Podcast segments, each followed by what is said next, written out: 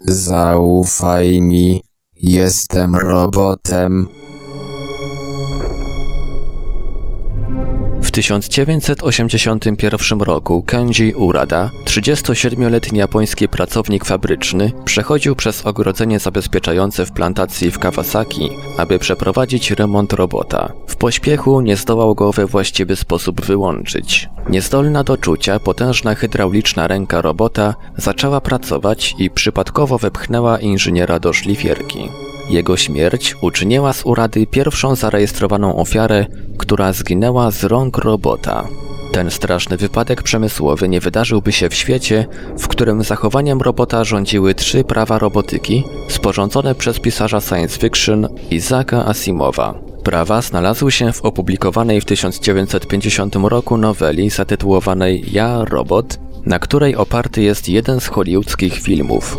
Jednakże całe dekady później prawa stworzone z myślą o zapobieganiu krzywdzeniu ludzi przez roboty oraz regulujące działanie i bezczynność pozostają w królestwie fikcji.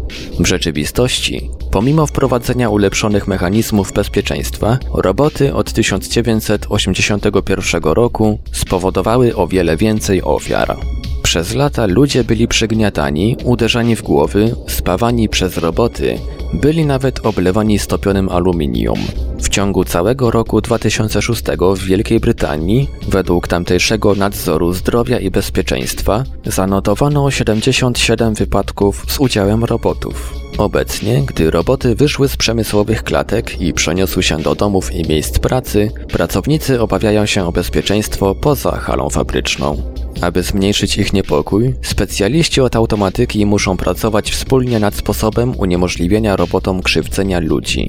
Zainspirowana przez Pugwash Conferences, międzynarodową grupę naukowców, nauczycieli akademickich i działaczy, założoną w 1957 roku na rzecz nierozprzestrzeniania broni nuklearnej, nowa grupa roboetyków spotkała się na początku roku 2006 w Genui we Włoszech i ogłosiła swoje początkowe wnioski w marcu w czasie Europejskiego Sympozjum Robotyków w Palermo na Sycylii. Bezpieczeństwo, ochrona i seks są przedmiotami dużego niepokoju, powiedział Henryk Christensen, przewodniczący Europejskiej Sieci Robotyki w Szwedzkim Królewskim Instytucie Technologii w Sztokholmie i jeden z organizatorów nowej grupy roboetyków. Czy roboty, które są wystarczająco silne lub ciężkie, by móc przygnieść człowieka, powinny być wprowadzane do domów? Czy błędem systemu jest uzasadniona obrona przed zautomatyzowanym samolotem bojowym, który narusza konwencję genewską i omyłkowo strzela do niewinnych cywili?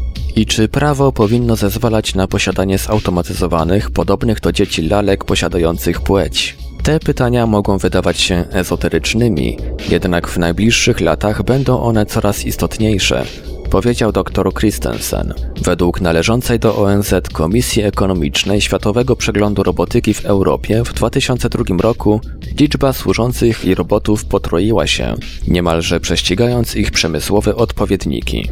Pod koniec 2003 roku było ponad 600 tysięcy odkurzających robotów i automatycznych kosiarek. Do końca 2007 roku liczba ta przekroczyła 4 miliony. Japońskie firmy ścigają się w budowie humanoidalnych robotów, służących jako pomocnicy dla osób starszych, zaś Korea Południowa postawiła za cel, żeby domowe roboty znalazły się we wszystkich domostwach do 2020 roku. W świetle tego wszystkiego decydujące jest to, że zaczynamy myśleć o bezpieczeństwie i wskazówkach etycznych już teraz, powiedział dr Christensen. Tak więc co się robi, aby nas zabezpieczyć? To, co się teraz robi, jest niewystarczające, mówi Blay Whitby, ekspert sztucznej inteligencji na Uniwersytecie w Sussex w Anglii. To zaskakujące, że pole bezpieczeństwa komputerowego ma zaledwie 10 lat. Rzeczy jednak ulegają zmianom i badacze wykazują coraz większe zainteresowanie tym, aby roboty były bezpieczniejsze.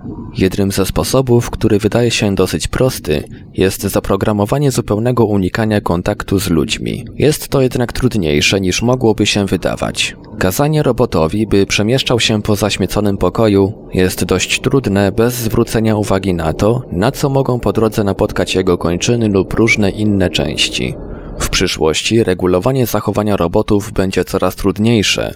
Wówczas będą one miały coraz sprawniejsze mechanizmy uczenia się, powiedział Gianmarco Verugio, robocista w Instytucie Inteligentnych Systemów Automatyzacji w Genui we Włoszech. Wskutek tego ich zachowanie stanie się niemożliwe do przewidzenia w pełni, ponieważ nie będą przemieszczać się po pierwotnie zdefiniowanych drogach, ale uczyć się nowych sposobów przemieszczania się. Pozostaje kwestia nieprzewidywalnych awarii. Co się stanie, jeżeli silniki robota przestaną pracować, albo zawiedzie system podczas wykonywania operacji na otwartym sercu, lub przy podawaniu tobie filiżanki gorącej kawy, oczywiście możesz dokonać redukcji awarii przez dodawanie zapasowych systemów, mówi Hirochika Inoue, robocista na Uniwersytecie w Tokio, będący doradcą w Japońskim Stowarzyszeniu na Rzecz Rozwoju Nauki. Nie daje to jednak żadnej gwarancji, technice niemożliwe jest zapewnienie stuprocentowego bezpieczeństwa. Jest tak dlatego, iż nieważne jak jesteś skrupulatny, nie możesz wyprzedzić nieprzewidywalnej natury ludzkiego zachowania, mówi dr Inoue.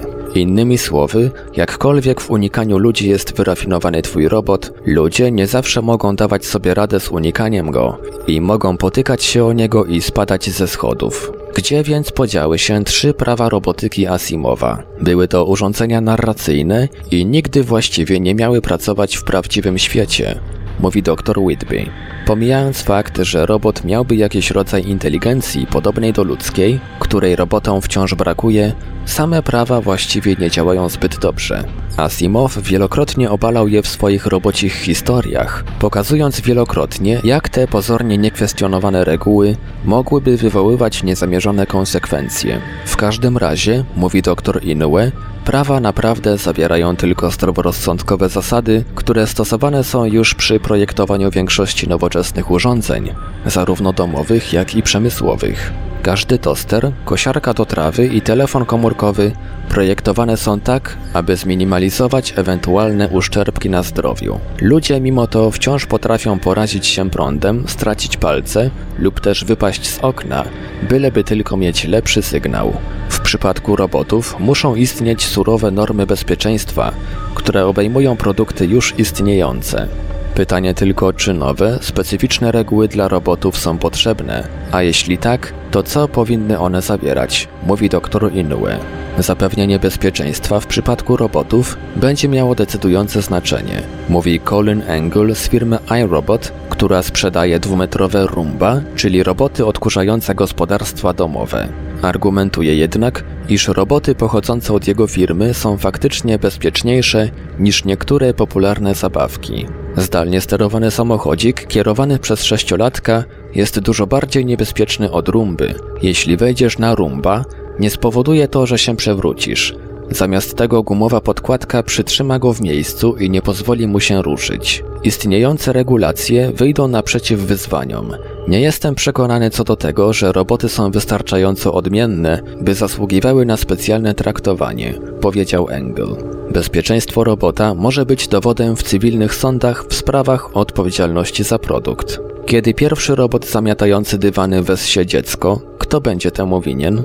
Pyta John Hallam, profesor na Uniwersytecie w Odense w południowej Danii. Jeżeli robot jest autonomiczny i zdolny do nauki, czy jego projektant może być odpowiedzialny za wszystkie jego działania? Dziś odpowiedź na większość takich pytań brzmi tak. Ponieważ jednak roboty są coraz bardziej złożone, staną się mniej jednakowe, mówi Hallam. Obecnie żadne przedsiębiorstwo ubezpieczeniowe nie jest przygotowane do ubezpieczenia robotów. To jednak będzie musiało się zmienić, mówi dr Inoue. W 2006 roku japońskie Ministerstwo Handlu i Przemysłu wydało komplet wskazówek bezpieczeństwa dotyczących robotów pracujących w domach i biurach. Wymagane jest, by każdy robot posiadał sensory pozwalające uniknąć kolizji z ludźmi oraz aby wszystkie roboty były wykonane z miękkiego i lekkiego materiału, by zminimalizować ewentualne uszkodzenia oraz aby miały przyciski umożliwiające wyłączenie ich w razie nagłego wypadku. Do tego w dużej mierze przyczyniła się duża wystawa robotów, która została zorganizowana przez władze latem 2005 roku. Władze zdały sobie sprawę, że istnieje niebezpieczeństwo, gdy tysiące ludzi nie tylko obserwuje roboty, ale też wchodzi między nie, powiedział dr Inoue. Jednakże pan Angel sugeruje, że pomysł ogólnego zastosowania robotów zdolnych do nauki i ich rozpowszechniania jest niewłaściwy. Sądzi on, że jest prawdopodobne, że roboty będą stosunkowo głupimi maszynami przeznaczonymi do zadań szczególnych. Prędzej niż robot pokojówka powstanie heterogeniczny rój robotów zajmujących się domem. Prawdopodobnie dziedzina robotyki, która może okazać się najbardziej kontrowersyjną, zajmie się tworzeniem erotycznych robotów zabawek, powiedział dr Christensen. Ludzie za kilka lat będą chcieli odbywać z robotami stosunki płciowe. Początkowo będą to roboty dość podstawowe, jest jednak mało prawdopodobne, by zastąpiły one ludzi. Ludzie potrafią uprawiać seks z dmuchanymi lalkami. Początkowo coś, co będzie się ruszało, będzie stanowiło ulepszenie. Dla niektórych może się to wydać nieszkodliwą zabawą, ale bez pewnego rodzaju regulacji wydaje się tylko kwestią czasu, nim ktoś zacznie sprzedawać zautomatyzowane mające płeć lalki przypominające dzieci, powiedział dr Christensen. To niebezpieczny grunt. Skazani za pedofilię mogliby wskazywać na to, że takie roboty mogłyby zostać użyte jako forma terapii, gdyby inni sprzeciwili się temu, że można w ten sposób zaspokoić niezmiernie niebezpieczną fantazję. Wszystko skłania do innych pytań. Jak, wykorzystując fizyczne niebezpieczeństwo, roboty mogłyby być groźne dla ludzi również w mniej bezpośrednich sposobach, przez wydobywanie ich najgorszych cech, od wywoływania wojen do pedofilii, Arkin Ron, robocista z Instytutu Technologii w Georgii w Atlancie, zadaje kolejne pytanie. Jeżeli kopniesz automatycznego psa, czy zechcesz kopnąć prawdziwego? Robociści mogą robić wszystko, by roboty były bezpieczne. Nie mogą jednak przeprogramować zachowania ich ludzkich właścicieli. Źródło The Economist. Tłumaczył i czytał Ivelios.